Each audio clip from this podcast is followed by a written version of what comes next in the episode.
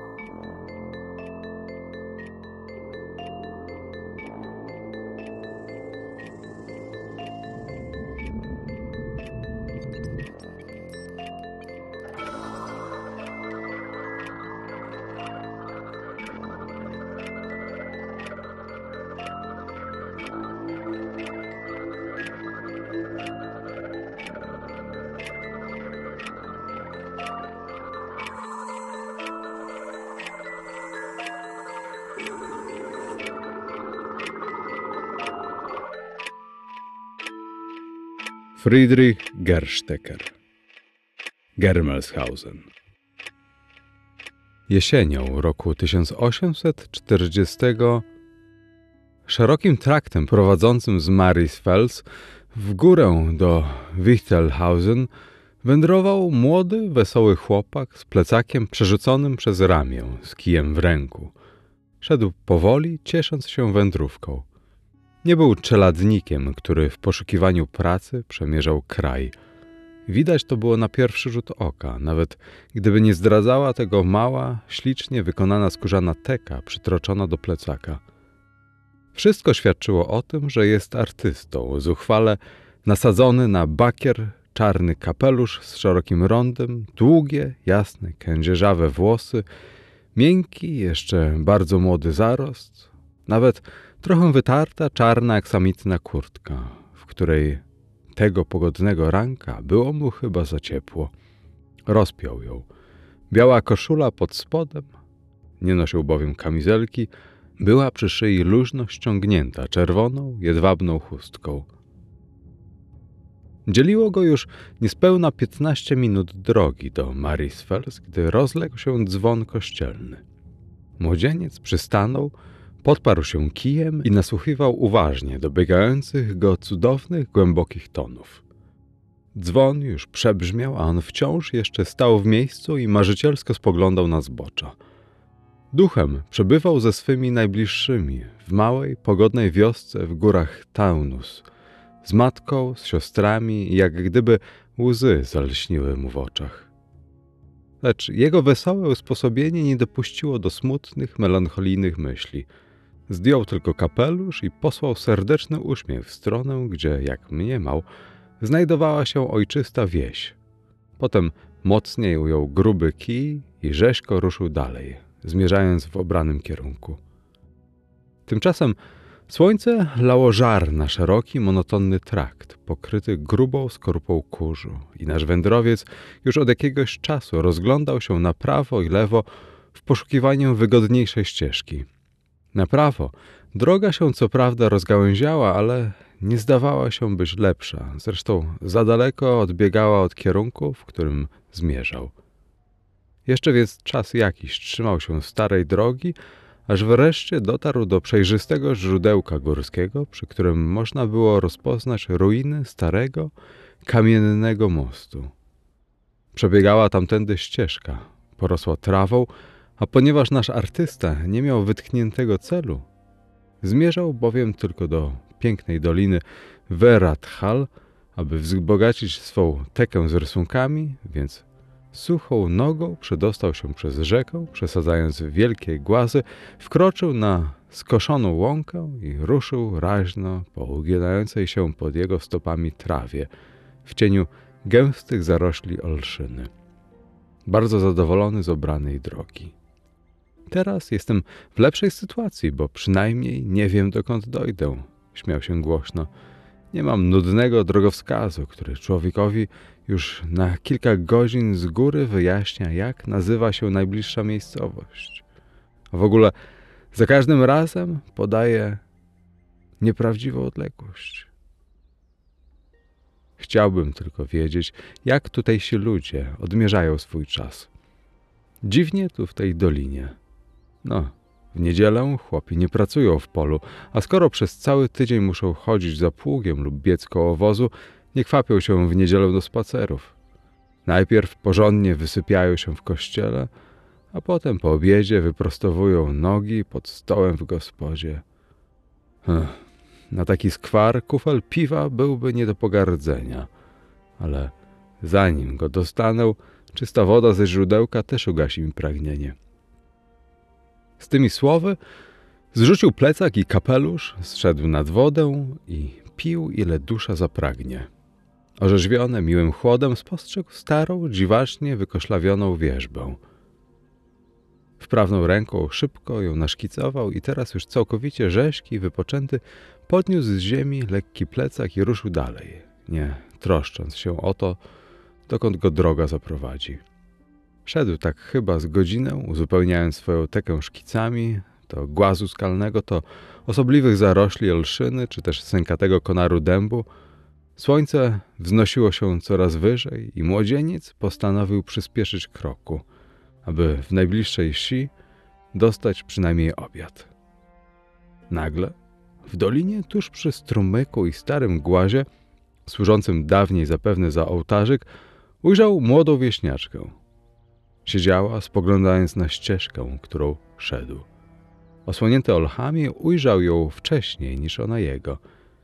Idąc brzegiem strumyka, prawie nie wychylał się z zarośli, które dotąd ukrywały go przed jej wzrokiem. Nagle zerwała się i z okrzykiem radości pobiegła mu na spotkanie. Arnold, bo tak się młodzieniec nazywał, przystanął zdumiony i wkrótce mógł się przekonać, że była to śliczna, zaledwie siedemnastoletnia dziewczyna, odziana w osobliwy, lecz ogromnie malowniczy wiejski strój. Wyciągnęła do niego ramiona, jak na skrzydłach. Pobiegła mu na spotkanie. Arnold zdawał sobie sprawę, że ona bierze go za kogoś innego i że to radosne powitanie nie dla niego jest przeznaczone. Dziewczyna zrozumiała swoją omyłkę, zatrzymała się zalękniona, zbladła, potem oblała się rumieńcem. Wreszcie odezwała się nieśmiało. Proszę mi wybaczyć, łaskawy obcy panie. Ja myślałam, że to twój ukochany, prawda, moje dziecko? Roześmiał się młodzieniec. A teraz jesteś rozczarowana, że zastąpił ci drogę jakiś obcy, obojętny człowiek. Nie gniewaj się że nie jestem twoim chłopcem. Ach, łaskawy panie, szepnęła trwożnie, czy mogłabym się gniewać? Ale gdybyście, panie, wiedzieli, jak bardzo się cieszyłam. Wobec tego nie zasługuję na to, byś dłużej na niego czekała, rzekł Arnold, który dopiero teraz uświadomił sobie niezwykły doprawdy urok tego skromnego wiejskiego dziewczęcia. Gdybym był na jego miejscu, nie czekałabyś na mnie ani jednej jedynej chwili nadaremnie. Pięknie przemawiacie, panie, rzekła zawstydzona. Gdyby on mógł przyjść, już by tu był. Może jest chory, albo, albo nawet nie żyje, dodała powoli, wzdychając głęboko ze szczerym smutkiem. Czy dawno nie dawał znaku życia? Dawno, bardzo dawno. Może mieszka daleko stąd. Daleko? No tak, dość daleko. W Bischofsrodzie. W Bischofsrodzie? Byłem przez cztery tygodnie w tej miejscowości i znam tam każde dziecko. Jak on się nazywa? Heinrich. Heinrich Wolgut. Syn sołtysa. Hm. Zastanowił się Arnold. U sołtysa bywałem bardzo często, ale jeśli się nie mylę, nazywa się on Bauerling, a nazwiska Wolgut nie słyszałem w tej wsi w ogóle. Widocznie nie wszystkich pan tam poznał, odparła dziewczyna. Przez smutek malejący się na jej twarzy przedarł się jednak delikatny, figlarny uśmiech, z którym było jej tak ładnie, o wiele ładniej niż z poprzednią melancholią. Ale z Bisławsrody można tu przejść góra w ciągu najwyżej trzech godzin. Mimo to nie przychodzi, westchnęła ciężko. A przecież solennie mi przyrzekł. No to na pewno przyjdzie, pocieszył ją Arnold poczciwie, bo jeśli się tobie coś przyrzekało, trzeba by mieć serce z kamienia, aby słowa nie dotrzymać, a twój Henryk chyba nie taki. Nie, ale teraz nie mogę na niego dłużej czekać. Muszę iść do domu na obiad. Inaczej ojciec będzie się gniewał. Skąd jesteś? Tam, z doliny. Nie słyszeliście, panie dzwonu? Właśnie skończyło się nabożeństwo. Arnold jął nasłuchiwać. Całkiem niedaleko rozbrzmiewało bicie dzwonu. Nie były to jednak dźwięki czyste, głębokie, lecz ostre, niemiłe. Kiedy młodzieniec zerknął w tamtym kierunku, wydało mu się, że dolinę zasnuwa gęsta mgła. Wasz dzwon jest chyba pęknięty, zaśmiał się. Brzmi niezbyt pięknie. Złowieszczo. Tak, wiem, odparła dziewczyna obojętnie. Nie brzmi ładnie. Powinniśmy byli już od dawna go stopić i odlać dzwon na nowo, ale zawsze brak nam pieniędzy i czasu, bo tu w okolicy nie ma ludwisarza. Ale cóż to szkodzi? Wszyscy znamy ten dzwon i kiedy zaczyna bić, wiemy, co oznacza. Tak więc i pęknięty dzwon spełnia swoją powinność. Jak się twoja wieś nazywa? Germelshausen. A czy dojdę stamtąd do Wichtelhausen? Bez trudu. Ścieżką idzie się zaledwie pół godziny, może nawet krócej, jeśli przyspieszy się kroku. Wobec tego idę z tobą, ślicznotko. Jeśli w twojej wsi jest jakaś dobra gospoda, zjem tam obiad. Gospoda jest też za dobra, odparła dziewczyna z westchnieniem, spoglądając za siebie, jakby jednak spodziewała się nadejścia swego Heinricha. Czy gospoda może być za dobra? Dla wieśniaków tak, rzekła poważnie, idąc obok niego powoli w stronę doliny. Mają bowiem wieczorem po pracy niejedno w domu do zrobienia, a jeśli przesiadują w szynku do późna w noc, zaniedbują gospodarstwo. Ale ja dziś niczego nie zaniedbam. No tak, jeśli idzie o panów z miasta, to inna sprawa. Przecież nie pracują, więc i niczego nie zaniedbują. To wieśniacy muszą na nich pracować. Co to, to nie, zaśmiał się Arnold. Wprawdzie kmiecie uprawiają rolę, owszem, ale my sami musimy na siebie pracować. Czasem nawet w pocie czoła, bo wieśniak każe sobie za swoją pracę słono płacić. Ale wy, panie, chyba nie pracujecie. Czemu tak myślisz? Na waszych rękach nie widać śladów pracy. Wobec tego zaraz ci dowiodę, co i jak potrafią robić. Usiądź na tym płaskim kamieniu pod starym krzewem bzu. Po co? Usiądź, a zobaczysz. Młody malarz szybko zrzucił plecak i wyciągnął tekę i ołówek. Kiedy muszą już wracać? W ciągu pięciu minut będę gotów i chętnie zabiorę ze sobą w świat pamiątkę po tobie. Nawet twój Heinrich nie miałby nic przeciwko temu. Pamiątkę po mnie?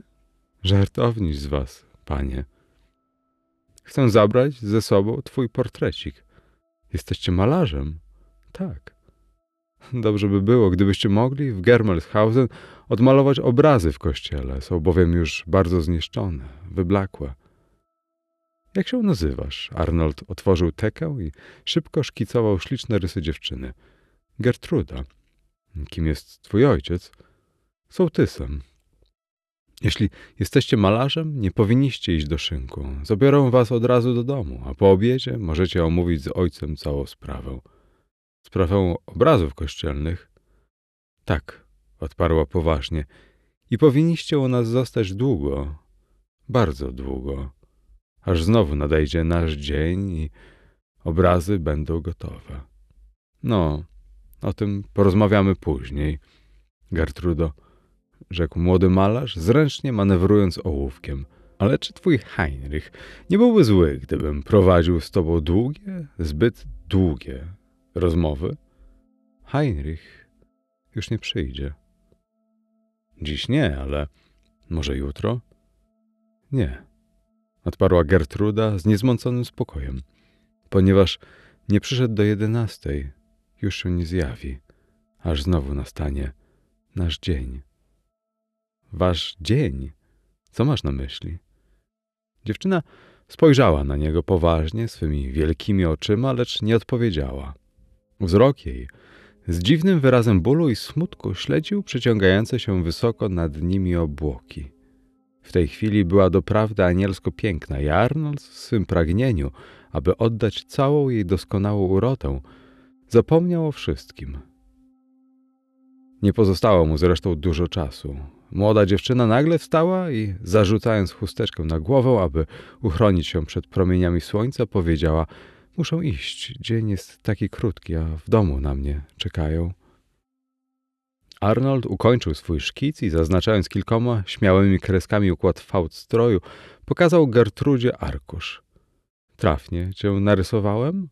To ja? zawołała dziewczyna niemal z przestrachem. A któż by inny, zaśmiał się Arnold. I chcecie ten rysunek zachować i zabrać ze sobą? Pewnie, że chcę. Kiedy odejdę daleko, daleko stąd, będę często i serdecznie o tobie myślał. Nie wiem, czy ojciec zezwoli. Że będę o tobie myślał? Chyba nie może mi tego zakazać. Nie, ale że zabierzecie ze sobą rysunek w daleki świat. Nie może mi tego zabronić, moja miła, rzekł Arnold. Ale czy tobie samej byłoby przykro, że twój portrecik znajduje się w moim posiadaniu? Nie? Nie, odparła po krótkim wahaniu. Gdyby tylko.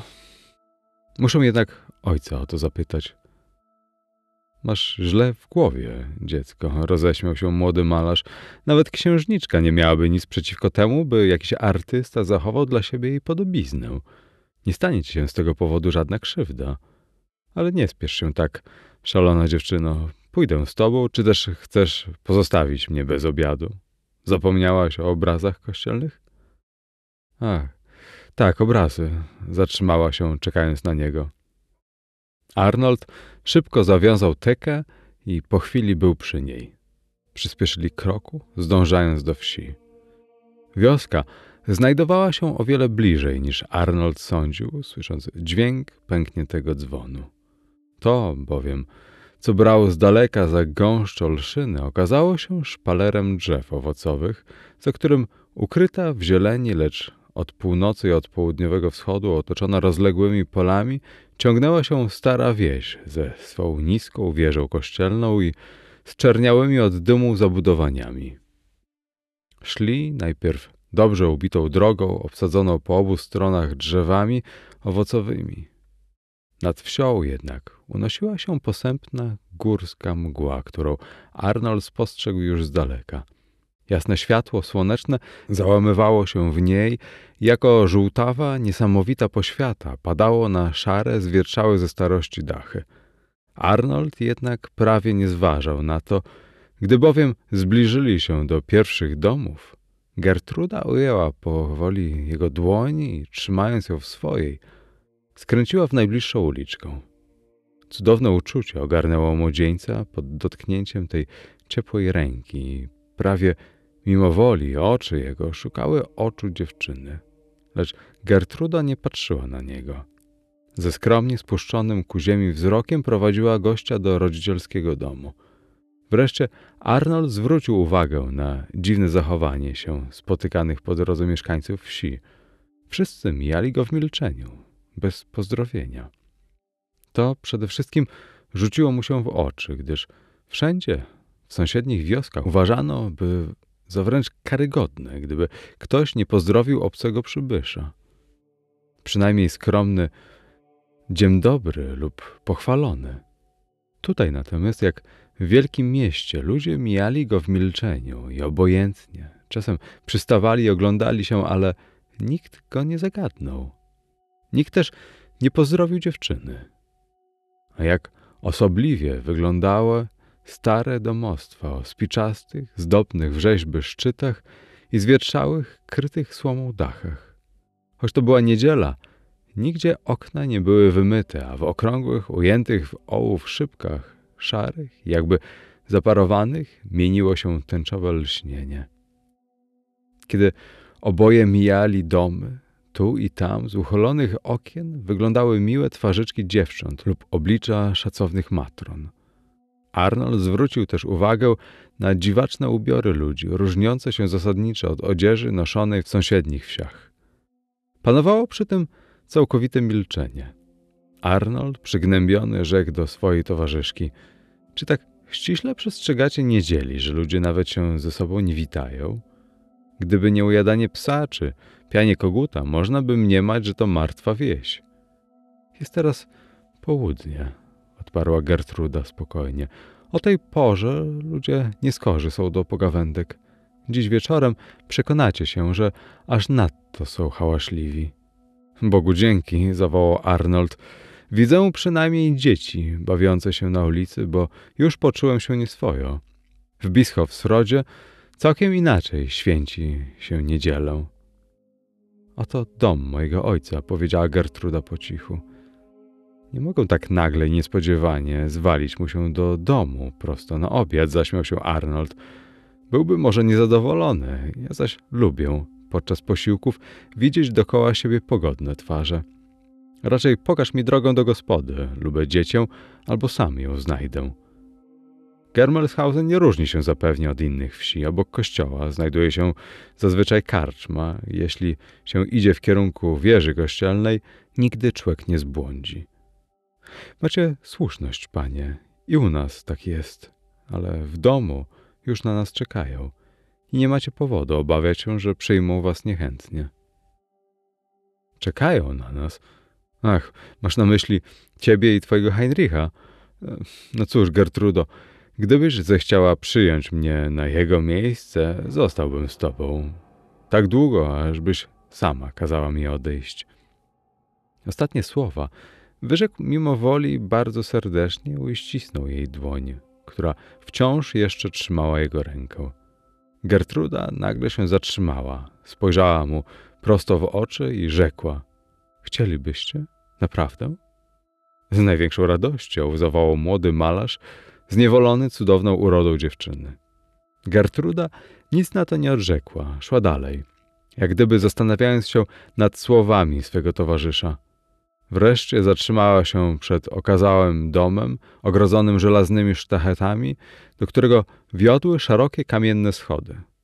Tu mieszkam, łaskawy panie, rzekła nieśmiało, jak poprzednio. Jeśli to wam dogadza, bardzo proszę, wstąpcie do naszego domu. Ojciec będzie rad gościć was u siebie. Zanim Arnold zdążył coś powiedzieć, sołtys ukazał się w drzwiach prowadzących na schody. Jedno z okien otwarło się i ukazała się w nim twarz starej kobiety, która życzliwie skinęła mu głową. Sołtys zaś zawołał: Gertrudo, tyle czasu zmitrążyłaś, ale proszę, proszę, jakiego przystojnego chłopaka sobie przyprowadziła. Panie sołtysie? Żadnych ceregieli, wejdźcie do domu. Kluski już czekają, gotowe ostygnąć i stwardnieć. Ależ to nie Heinrich, zawołała stara kobieta w oknie. Czy nie mówiłam, że on nie wróci?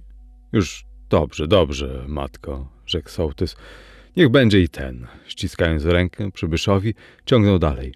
Witajcie serdecznie w Germelshausen, młody panie, gdziekolwiek dziewczyna was znalazła. A teraz proszę na obiad. Jedzcie, ile dusza zapragnie. O reszcie pogadamy potem. Nie pozostawił młodemu malarzowi ani chwili na usprawiedliwienie się i trzymając jego dłoń, którą Gertruda wypuściła ze swojej, gdy tylko weszli na schody, ujął go poufale za ramię i zaprowadził do obszernej izby. W domu czuć było stęchlizną i wilgotną ziemią. Arnold znał zwyczaje niemieckiego wieśniaka, który najchętniej nie wpuszcza do izby ani stróżki świeżego powietrza i nawet latem często gęsto pali w piecu, aby wytworzyć miłą mu ciepłą temperaturę. A jednak zwróciło to jego uwagę. Wąski korytarz także nie wyglądał zachęcająco. Tynk odpadł ze ścian, jak gdyby został tylko powierzchownie zmieciony na bok. Jedyne ślepe okno w głębi przepuszczało zaledwie nikłe światło, a schody prowadzące na górne piętro były stare i spróchniałe. Lecz Arnold niewiele miał czasu na obserwację, w następnej bowiem chwili jego gościnny gospodarz rozwarł szeroko drzwi i Arnold znalazł się w izbie dobrze wywietrzonej, posypanej białym piaskiem ze stojącym pośrodku dużym stołem nakrytym śnieżno-białym płótnem. Izba ta w korzystny sposób różniła się od reszty zaniedbanego wnętrza domu. Poza starą kobietą, która teraz zamknęła okno i przysunęła swoje krzesło do stołu, w kącie siedziało kilkoro rumianych dzieci. Krzepka gospodyni, ubrana również inaczej niż kobiety z sąsiednich wsi, otworzyła właśnie drzwi dziewczynie, która weszła z dużą, parującą misą klusek. Wszyscy stłoczyli się dookoła stołu, czekając na upragniony posiłek. Nikt jednak nie usiadł, jak Arnoldowi się zdawało, zerkali niemal bojaźliwie ku ojcu.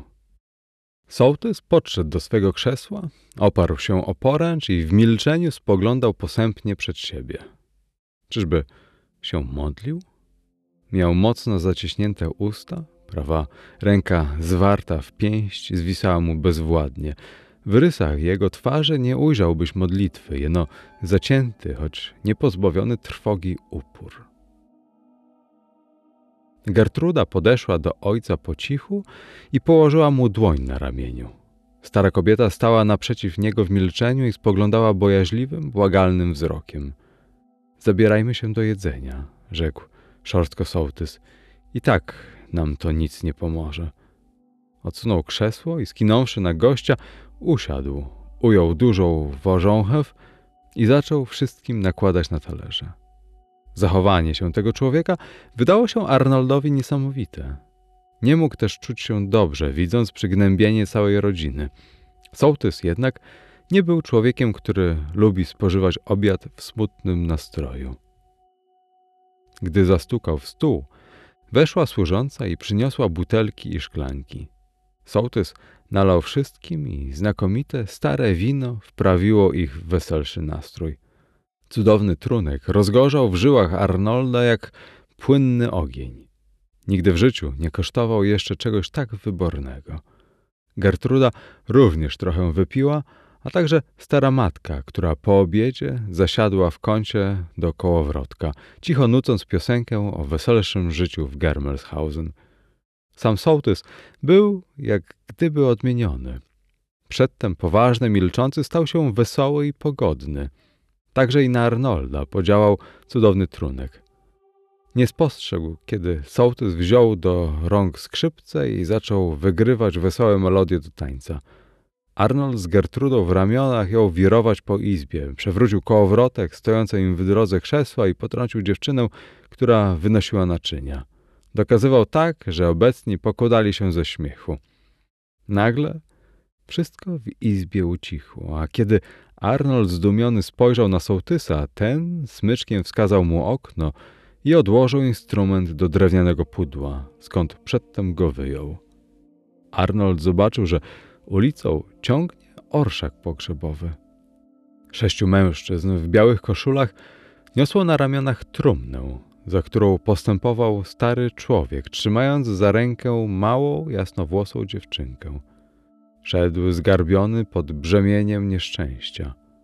Dziewczynka natomiast, która miała zaledwie cztery latka i nie zdawała sobie sprawy, kto leży w ciemnej trumnie, pozdrawiała grzecznie każdą znajomą twarz i śmiała się do rozpuku, gdy kilka psów, goniąc się, przebiegło koło szkoły, a jeden się przewrócił i wywinął koziołka. Cisza trwała tylko tak długo, póki trumna nie znikła za rogiem. Gertruda podeszła do młodego malarza. Teraz odpocznijcie, panie.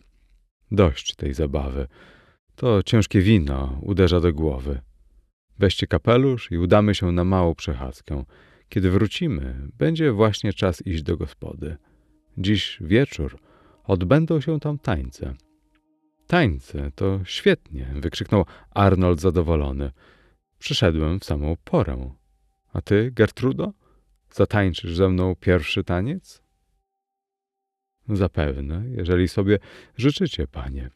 Arnold wziął kapelusz i teczkę. Po co wam ta książka? zapytał sołtys. On rysuje, ojcze, rzekła Gertruda. Mnie też narysował. Obejrzyjcie sobie ten portrecik. Arnold otworzył tekę i podał rysunek sołtysowi, który przez chwilę przyglądał się portrecikowi w milczeniu. I chcecie to zabrać ze sobą do domu, a może nawet oprawić w ramkę i powiesić w pokoju? Czemuż by nie? Czy pozwolisz mu, ojcze?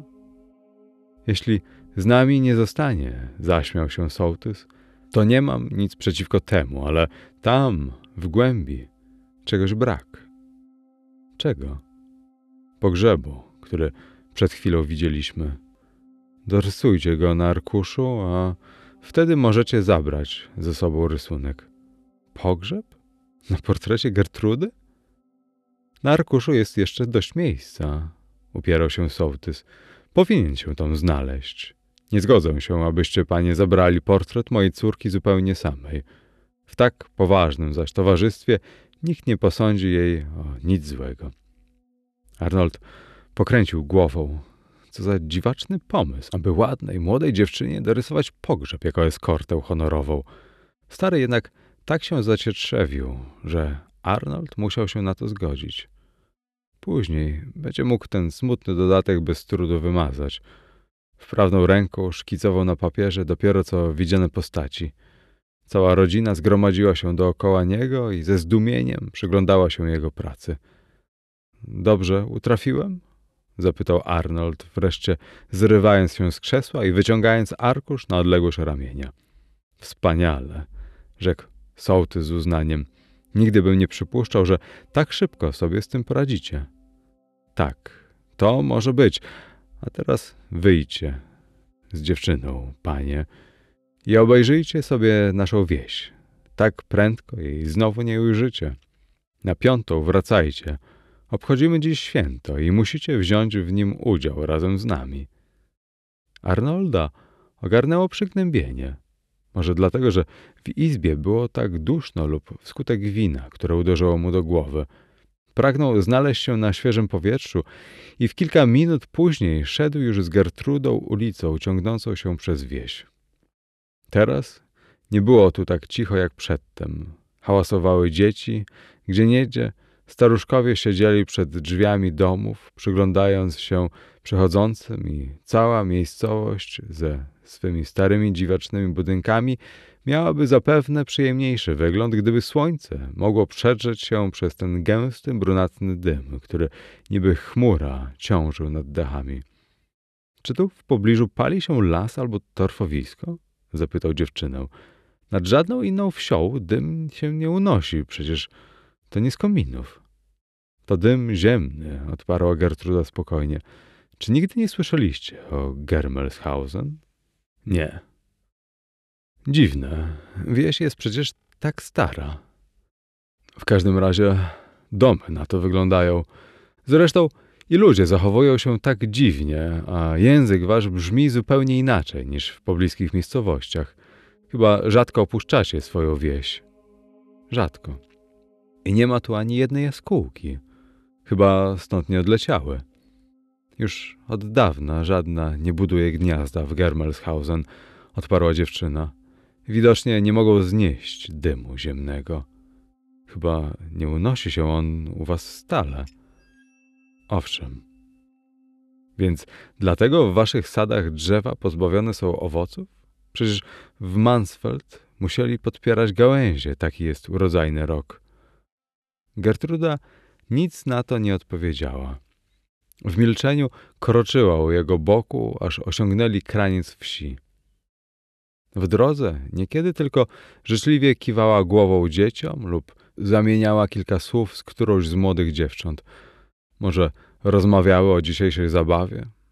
Dziewczęta spoglądały przy tym na młodego malarza ze współczuciem i choć Arnold nie wiedział czemu, ogarnął go smutek. Nie ważył się jednak zapytać Gertrudy, o czym rozmawiała. Teraz wreszcie dotarli do ostatnich domów. Podczas gdy we wsi panował ruch i ożywienie, tutaj było cicho i bezludnie, jakby wszystko powymierało. W sadach, rzekłbyś, od lat nie postała noga ludzka. Ścieżki porosły trawą, a szczególnie dziwne wydawało się młodemu przybyszowi i to, że na żadnym z drzew nie było owoców. spotkali ludzi idących w stronę wsi. Arnold natychmiast ich poznał. Byli to ci sami, którzy nieśli trumnę. Minęli ich w milczeniu, a oboje młodych, prawie mimo woli, skierowało swe kroki ku cmentarzowi. Arnold starał się teraz rozweselić swoją towarzyszkę. Wydawała mu się zbyt poważna. Opowiadał jej o rozmaitych miejscowościach, które zwiedził, o tym, jak to jest na szerokim świecie. Gertruda nigdy jeszcze nie widziała kolei żelaznej, nawet nigdy o niej nie słyszała. Teraz, zdumiona, z uwagą przysłuchiwała się jego wyjaśnieniom. Nie miała nawet pojęcia o istnieniu telegrafu, jak również o innych, nowszych wynalazkach, a młody malarz nie mógł pojąć, jak to możliwe, żeby ludzie w Niemczech żyli w takim odosobnieniu, tak całkowicie odcięci od reszty świata, nie utrzymując z nim żadnego kontaktu. Tak rozmawiając, doszli do cmentarza i tutaj Arnold zauważył, że nagrobki i kamienie, choć na ogół proste, były bardzo stare. To bardzo, bardzo stary nagrobek, rzekł, pochylając się i z trudem odczytując ozdobne pismo. Anna Maria Berthold z domu Ziglitz, urodzona 1 grudnia 1188, zmarła 2 grudnia 1224. To moja matka, rzekła Gertruda. Łzy napłynęły jej do oczu i stoczyły się na stanik. Twoja matka? Dziecko drogie, to jest może twoja pra pra pra pra pra prababka. Nie, odparła ze smutkiem. To moja prawdziwa matka. Ojciec pojął drugą żonę i ta kobieta w domu to moja macocha. Ale tutaj podane, że zmarła w 1224 roku. Cóż mnie obchodzi rok? To takie bolesne utracić matkę. A jednak, dodała cicho, może dobrze się stało, bardzo dobrze, że Pan Bóg powołał ją do swojej chwały. Arnold pokręcił głową, schylił się nad nagrobkiem, aby dokładnie przyjrzeć się napisowi. Może pierwsza dwójka w dacie jest ósemką? W staroświeckich esach, floresach nie trudno o myłkę. Jednak druga dwójka podobna była do pierwszej, jakby dwie krople wody, a przecież do roku 1884 było jeszcze daleko. Może kamienia się pomyliła? Dziewczyna taka była zatopiona w smutku po zmarłej, że Arnold nie chciał naprzykrzać się natrętnymi pytaniami. Uklękła przy grobie, cicho się modląc. Arnold zaś poszedł zbadać inne nagrobki. Wszystkie bez wyjątku nosiły daty sprzed kilkuset lat. Nie znalazł ani jednego nowszego. A przecież zmarłych jeszcze teraz chowano, jak o tym świadczyła ostatnia, zupełnie świeża mogiła. Z niskiego muru kościelnego roztaczał się wspaniały widok na tę całą starą wieś. Arnold skorzystał ze sposobności, aby to naszkicować. Ale i nad tym miejscem unosił się osobliwy, gorzki dym. Natomiast dalej, w stronę lasu, widać było jasne słońce opromieniające zbocza górskie. We wsi rozbrzmiewał znów stary, pęknięty dzwon. Gertruda wstała z klęczek, otarła łzy i skinęła młodemu człowiekowi. Arnold od razu się do niej przyłączył. Teraz już nie wolno się nam smucić, rzekła z uśmiechem. Kończy się właśnie nabożeństwo. Nadchodzi pora na tańce. Myśleliście zapewne, panie, że ludzie z Germelshausen są ponurzy. Dziś wieczorem przekonacie się, że tak nie jest. Przecież nie widzę, aby z wrót kościoła ktokolwiek wychodził. To zrozumiałe, roześmiała się Gertruda, bo nikt tam nie wchodzi, nawet ksiądz. Tylko stary zakrystian nie użycza sobie ani chwili spoczynku i dzwoni na początek i koniec nabożeństwa. I nikt z was nie uczęszcza do kościoła? Nie, ani na mszę, ani do spowiedzi. Wadzimy się z papieżem, który zamieszkał we Włoszech i nie chce wracać, dopóki mu znowu nie przyrzekniemy posłuszeństwa. Nic o tym nie słyszałem. No tak, bo to dawne sprawy. Popatrzcie, panie, oto zakrystian wychodzi z kościoła, sam jeden i zamyka wrota. Nie przychodzi do gospody, zawsze przesiaduje samotnie. A ksiądz przychodzi? No pewnie, A jaki jest wesoły. Niczym się nie przejmuje. A jak do tego doszło? Arnolda zdziwiły nie tyle fakty, ile swoboda, z jaką mówiła o nich Gertruda. To długa historia. Ksiądz spisał ją w grubej, dużej księdze. Jeśli macie ochotę, panie, i rozumiecie po łacinie, możecie to sobie przeczytać. Ale, dodała ostrzegawczo, nie wspominajcie o tym w obecności ojca, bo on tego nie lubi. Popatrzcie, chłopcy i dziewczęta już spieszą do gospody. Wracajmy do domu. Muszę się przebrać. Nie lubią przychodzić ostatnia. A pierwszy taniec, Gertrudo? Zatańczę z wami, przyrzekam. Szybkim krokiem wracali do wsi, gdzie wyglądało zupełnie inaczej niż z rana. Wszędzie stały gromadki roześmianych młodych ludzi, dziewczęta były wystrojone, chłopcy także mieli na sobie odświętne ubrania. W gospodzie od okna do okna wisiały girlandy z liści, tworząc nad drzwiami duży łuk triumfalny. Arnold, widząc, że wszyscy się tak wystroili, nie chciał pokazać się na zabawie w swym ubraniu podróżnym. W domu sołtysa wypakował plecak, wyjął odświętne ubranie i był właśnie gotów, kiedy Gertruda zapukała do drzwi. Piękna była w swoim skromnym, a jednak bogatym stroju. Poprosiła go, aby jej towarzyszył, ponieważ ojciec z macochą przyjdą później. Tęsknota za Heinrichem niezbyt jej doskwiera, pomyślał Arnold, ujął ją pod rękę i poprowadził w zapadającym mroku na salę tańca. Myśli swej jednak nie wyznał na głos. Zbudziło się w nim dziwne, nieznane dotąd uczucie, a serce biło mu jak szalone, gdy przyciskając ramię dziewczyny, wyczuwał pulsowanie jej serca. Jutro muszą powędrować dalej, westchnął. Wbrew jego woli te słowa dotarły do dziewczyny. Nie troszczy się o to, panie, rzekła z uśmiechem. Zostaniemy ze sobą długo, może dłużej, niżby to wam było miłe. Chciałabyś, Gertrudo, abym z wami został? Arnold poczuł, jak krew gwałtownie uderza mu do skroni. Oczywiście, odparła swobodnie. Jesteście, panie, dobry i miły. Ojciec też was lubi. Wiem o tym. A Heinrich jednak nie przyszedł. Dodała po cichu, jakby zagniewana. A gdyby nadszedł jutro? Jutro? Gertruda spojrzała nań poważnie swymi wielkimi ciemnymi oczyma. Dziś od jutra dzieli długa, długa noc. Jutro. Jutro zrozumiecie, co to słowo oznacza.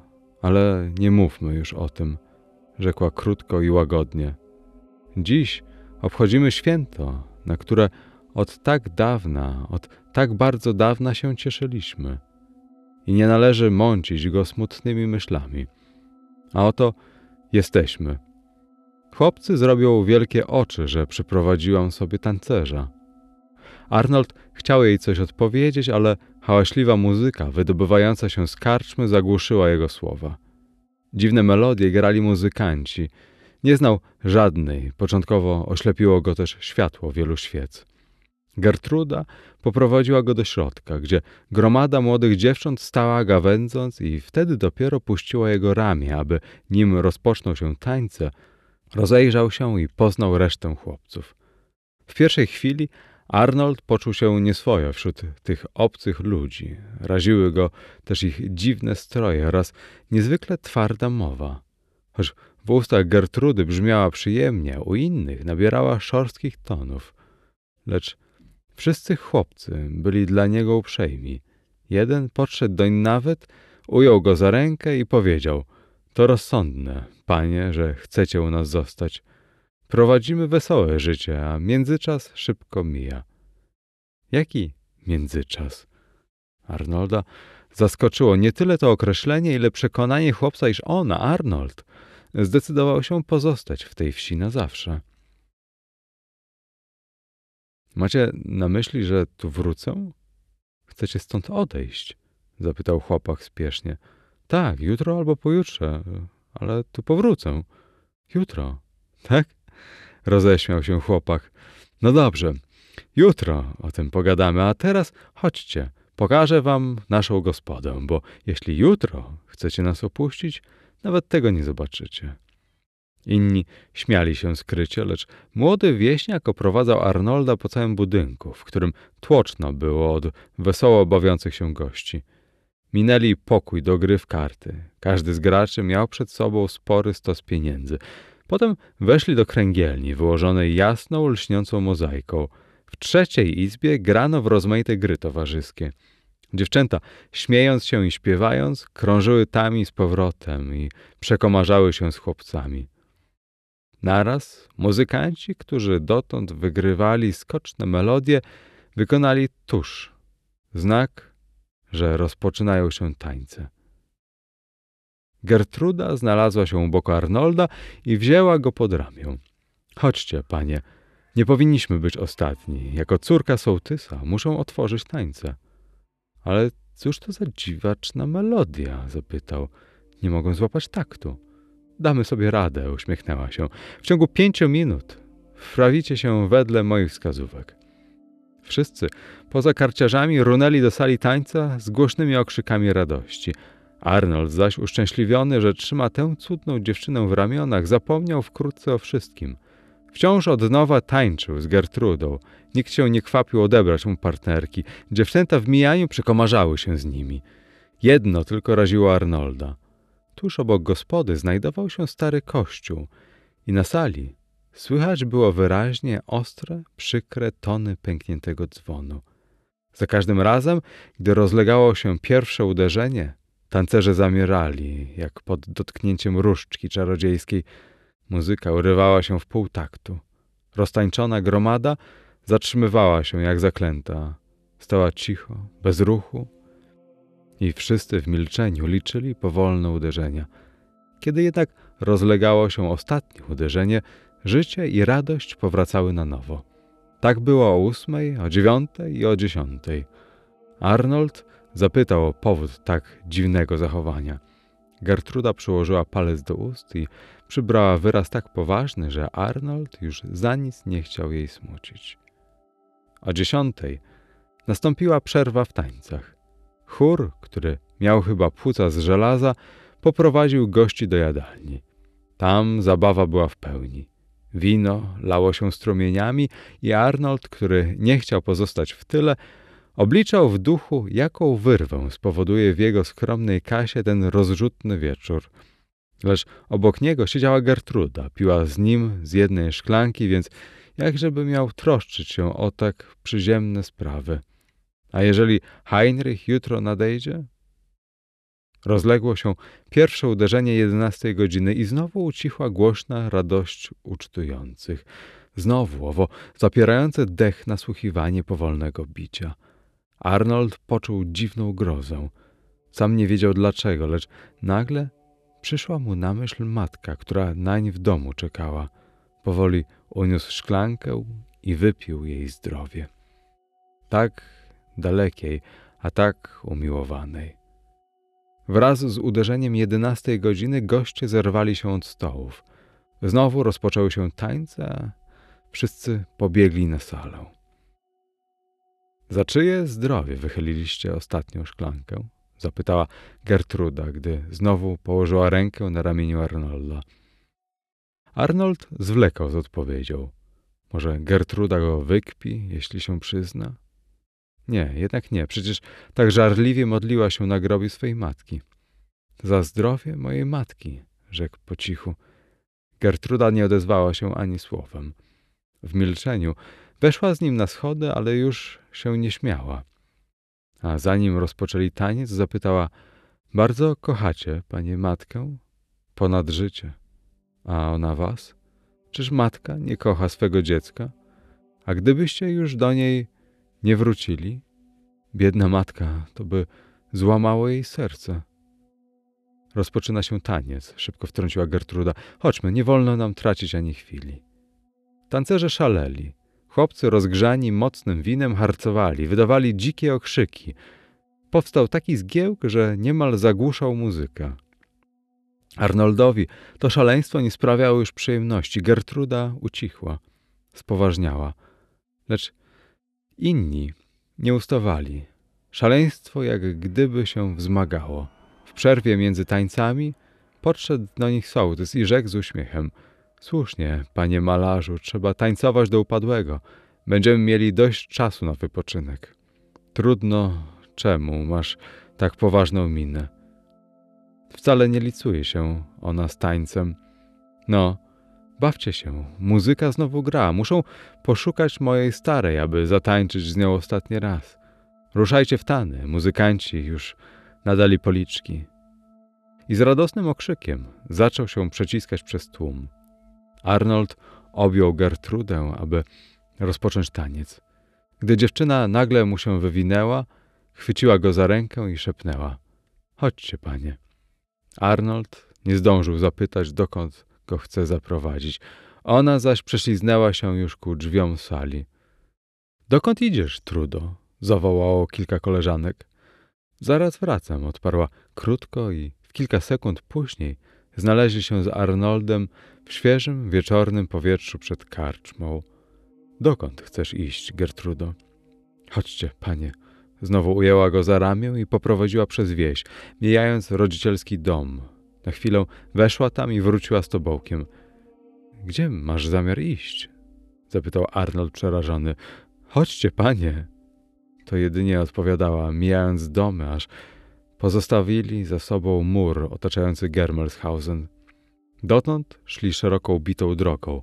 Teraz Gertruda skręciła w lewo i wspinała się na płaski pagórek, skąd widać było jasno oświetlone okna i drzwi karczmy. Tu się zatrzymała. Uścisnęła Arnoldowi rękę i rzekła serdecznie: Pozdrówcie ode mnie waszą matkę, panie, i bywajcie zdrowi. Gertrudo, zawołał Arnold zaskoczony. Teraz, o północy, chcesz się mnie w ten sposób pozbyć? Czy naraziłem się czymś? Nie, Arnoldzie, rzekła po raz pierwszy, zwracając się do niego po imieniu. Właśnie. Właśnie dlatego, że was polubiłam, musicie stąd odejść. Ależ nie możesz sama wracać do wsi w tej ciemności, prosił Arnold. Nie wiesz, dziewczyno, jak cię kocham, jak w ciągu tych niewielu godzin wrosłaś mi w serce. Nie wiesz. Nie mówcie dalej, przerwała mu. Nie żegnajmy się. Gdy dzwon wybije dwunastą, a nastąpi to za niespełna dziesięć minut, przyjdźcie znowu pod drzwi karczmy. Tam będę na was czekała. A tymczasem? Pozostańcie tutaj. Przyrzeknijcie mi, że nie ruszycie się ani o krok, nim dzwon nie wybije dwunastej. Przyrzekam, Gertrudo, ale potem, potem przyjdziecie. Podała mu rękę na pożegnanie i chciała odejść. Gertrudo! zawołał błagalnie. Dziewczyna zatrzymała się z wahaniem, potem nagle objęła go za szyję i młodzieniec poczuł jej lodowato zimne wargi na swoich ustach. Lecz trwało to tylko chwilę, bo zaraz uwolniła się i pobiegła w kierunku wsi. Arnold, zaskoczony jej dziwnym zachowaniem, lecz pomny swego przyrzeczenia, pozostał w miejscu, gdzie Gertruda go opuściła. Teraz dopiero spostrzegł, jak w ciągu tych niewielu godzin zmieniła się pogoda. Wiatr wył wśród zarośli, niebo zasnuło się pędzącymi chmurami, pojedyncze krople deszczu zapowiadały nadciągającą burzę. Skroś ciemna noc jaśniały światła karczmy, a kiedy wiatr dołł z tamtej strony, Arnold mógł dosłyszeć oderwane, hałaśliwe dźwięki instrumentów. Nie trwało to jednak długo. Upłynęło zaledwie kilka minut, gdy zaczął bić stary dzwon i w tej samej chwili muzyka się urwała, czy też została zagłuszona przez wyjącą wichurę, która rozszalała się nad zboczem. Arnold musiał przylgnąć do ziemi, aby nie stracić równowagi. Przed sobą wyczuł tobołek, który Gertruda wyniosła z domu. Był to jego własny plecak z teką rysunkową. Przerażony podniósł się z ziemi. Zegar wybył pełną godzinę. Wichura ustała, ale nigdzie we wsi nie ujrzałbyś ani światełka. Ucichły psy, które przedtem wyły i ujadały. Z doliny unosiła się gęsta, wilgotna mgła. Czas minął, szepnął Arnold, zarzucając plecak na ramię. Muszę ujrzeć Gertrudę jeszcze raz. W ten sposób nie mogę się z nią rozstać. Tańce się skończyły, tancerze udali się do domu. Jeśli sołtys nie zechce mnie przenocować, zostanę w karczmie. Zresztą w ciemności nie znalazłbym drogi przez las. Ostrożnie zeszedł z boczem w dół. Chciał trafić na tę szeroką, bitą drogę, która prowadziła do wsi. Lecz daremnie błąkał się wśród zarośli. Ziemia tu była miękka i grząska. W swych cienkich trzewikach Arnold zapadał się po kostki, a gęsta olszyna wystrzelała w górę wszędzie tam, gdzie mniemał znaleźć drogę. Na pewno nie przeciął tej drogi, nawet w ciemności poczułby twardy grunt pod nogami. Poza tym ciągnął się tam mur otaczający wieś. Tego nie mógł przeoczyć. Im dalej jednak brnął, tym głębiej się zapadał w grząskim mule. Tym gęstsze były zarośla pełne kolców, które rozdzierały mu odzież i raniły ręce do krwi. Czy zboczył w prawo, czy w lewo od wsi? Obawiał się, że jeszcze bardziej zmyli drogą, więc pozostał na dość suchym miejscu, oczekując, aż dzwon wybije godzinę pierwszą, ale nie usłyszał żadnego bicia. Nie dotarł do niego żaden ludzki dźwięk. Z trudem, przemoczony do nitki, drżąc z zimna, Arnold wspiął się na wyżej położone zbocze górskie, gdzie zostawiła go Gertruda. Kilkakrotnie usiłował przetrzeć się przez gąszcz, aby odnaleźć wieś. Na próżno. Śmiertelnie wyczerpany, ogarnięty dziwną grozą, ominął wreszcie tę głęboką, niesamowitą dolinę, szukając schronienia pod drzewem, aby tam spędzić noc. Jakże powoli mijały godziny. Drżał z zimna, nie zmrużył oka ani na chwilę podczas tej długiej nocy. Wciąż nasłuchiwał w ciemności, wciąż wydawało mu się, że słyszy chrapliwy dźwięk dzwonu i wciąż od nowa stwierdzał, że słuch go myli. Wreszcie na wschodzie zaczęło nieśmiało świtać. Chmury popłynęły dalej, niebo znów było czyste, wygwieżdżone. Ptaki, budząc się, ćwierkały wśród mroku drzew. Złote pasmo nieba stawało się coraz szersze, coraz jaśniejsze. Arnold mógł już rozpoznać wierzchołki drzew. Daremnie jednak wzrok jego szukał starej wieży kościelnej i zwiertrzałych dachów wsi.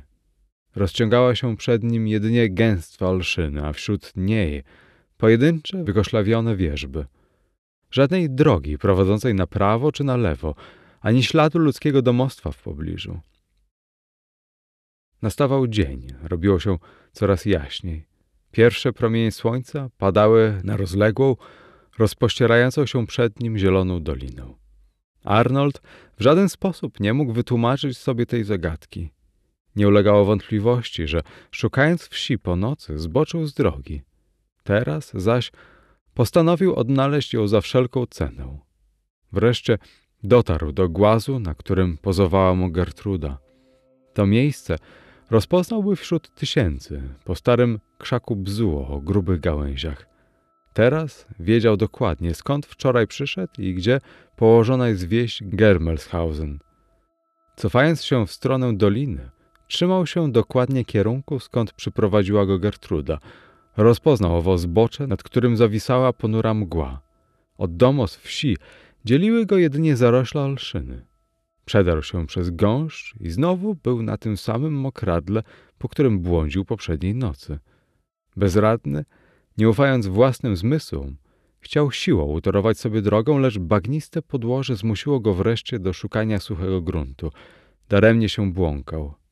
Wieś znikła, jakby zapadła się pod ziemię. Wiele godzin zmitrężył Arnold na próżnych poszukiwaniach. Wreszcie zmęczone ciało odmówiło mu posłuszeństwa. Nie mógł iść dalej. Musiał przede wszystkim odpocząć. No cóż, zresztą zdałoby się owo daremne szukanie. Dojdzie do najbliższej wsi, i tam bez trudu znajdzie przewodnika, który poprowadzi go do Germelshausen. Śmiertelnie znużony rzucił się na ziemię w cieniu drzewa. Jego odświętne ubranie, w jakim stanie. Ale o to się teraz wcale nie troszczył. Otworzył tekę i wyciągnął portret Gertrudy. Pełen goryczy i bólu spoglądał na ukochane oblicze i stwierdził ku swemu przerażeniu, że uczucie do dziewczyny zapuściło już głęboko korzenie w jego sercu – Nagle usłyszał szelest liści i ujadanie psa. Zerwał się i w pobliżu ujrzał starego leśniczego, który z ciekawością przyglądał się dziwnemu osobnikowi w porządnym, acz mocno zniszczonym ubraniu. Niech będzie pochwalony, zawołał Arnold, rad z całego serca, że widzi żywego człowieka. Wsunął rysunek do teki. Przychodzicie jak na zawołanie, panie leśniczy, bo chyba zmyliłem drogę. E, rzekł leśniczy, jeżeli spędziliście całą noc w tych zaroślach, mając niespełna pół godziny drogi od przyzwoitej gospody w Dylsztet, to istotnie tak jest. Do licha, wyglądacie, panie, jak gdybyście zażyli kąpiel w mokradle, a potem wytarzali się w kolcach. Znacie dobrze ten las? Zapytał Arnold, chcąc się przede wszystkim dowiedzieć, gdzie właściwie się znajduje. No chyba, zaśmiał się stary, krzesając ogień i zapalając fajkę. Jak nazywa się najbliższa wieś? Dylsztet, to tam. Kiedy wejdziecie na tamten wzgórek, zobaczycie tę wieś tuż pod stopami. A jak daleko jest do Germelshausen? Dokąd? Leśniczy ze zdumieniem wyjął fajkę z ust. Do Germelshausen. Niech mnie Pan Bóg ma w swojej opiece, rzekł stary, rozglądając się trwożnie. Znam las dobrze, ale Panu Bogu wiadomo, jak głęboko zapadła się ta przeklęta wieś. Zresztą nie znam do tego. Przeklęta wieś? zawołał Arnold zdumiony. Germelshausen. Tak, odparł leśniczy. Istniała podobno przed setkami lat, tutaj, na trzęsawisku, gdzie rosną teraz wierzby i olszyny. Potem pochłonęło ją mokradło. Nikt nie wie dlaczego, ale jak głosi podanie, raz na sto lat, pewnego określonego dnia, wieś wyłania się na światło dzienne. Nie życzyłbym żadnej duszy chrześcijańskiej, by przypadkowo na ten dzień trafiła. Ale do licha, nocleg w zaroślach nie bardzo wam służy, panie. Bladzi jesteście jak śmierć. Proszę sobie łyknąć, to dobrze zrobi. Dziękuję. Ach, co tam, upiliście ledwo co, a należy się potrójna porcja. Teraz idźcie do gospody i połóżcie się do ciepłego łóżka. Do Dillstedt. A gdzieby inaczej? Żadnej bliższej wsi tutaj nie mamy. A Germelshausen? Nie wymawiajcie, jeśli łaska tej nazwy, właśnie w tym miejscu, gdzie stoimy. Niech zmarli spoczywają w spokoju, zwłaszcza ci, którzy nie mogą zasnąć spokoju i wciąż od nowa nagle się wśród nas zjawiają. Ale przecież ta wieś wczoraj tu była, zawołał Arnold. Wydało mu się, że postradał zmysły. Byłem tam, jadłem, piłem i tańczyłem. Leśniczy zmierzył młodzieńca od stóp do głów, po czym powiedział z uśmiechem. Ale nazywała się inaczej, prawda? Zapewne przychodząc z Dillstedt, wczoraj odbywała się tam zabawa. Gospodarz tamtejszy waży mocne piwo, a nie każdy dobrze je znosi. Arnold miast odpowiedzi otworzył tekę i wyjął rysunek, który naszkicował na cmentarzu. Znacie tę wieś? Nie. Tak niskiej wieży nie mamy tu w całej okolicy. To właśnie jest Germelshausen, zawołał Arnold. A czy młodzież wiejska ubiera się tak jak ta dziewczyna? Hm. Nie. Cóż to za dziwny pogrzeb dorysowaliście? Arnold nie odpowiedział. Wsunął arkusz do teki z uczuciem głębokiego smutku. Drogę do Dillstedt znajdziecie na pewno, panie, rzekł leśniczy dobrodusznie, gdy nagle zrodziło się w nim podejrzenie, że z tym obcym młodzieńcem jest coś nie w porządku. Jeśli jednak sobie życzycie, odprowadzę was kawałek. Nie nałożę drogi. Dziękuję, ale tam już drogi nie zmylą. Więc powiadacie, że raz na sto lat wieś może wydobyć się na powierzchnię? Tak powiadają ludzie, ale kto wie, czy to prawda. Arnold podniósł swój plecak. Zostańcie z Bogiem, rzekł, ściskając leśniczemu rękę. Idźcie z Bogiem, dokąd was teraz droga prowadzi? Do Dillstedt.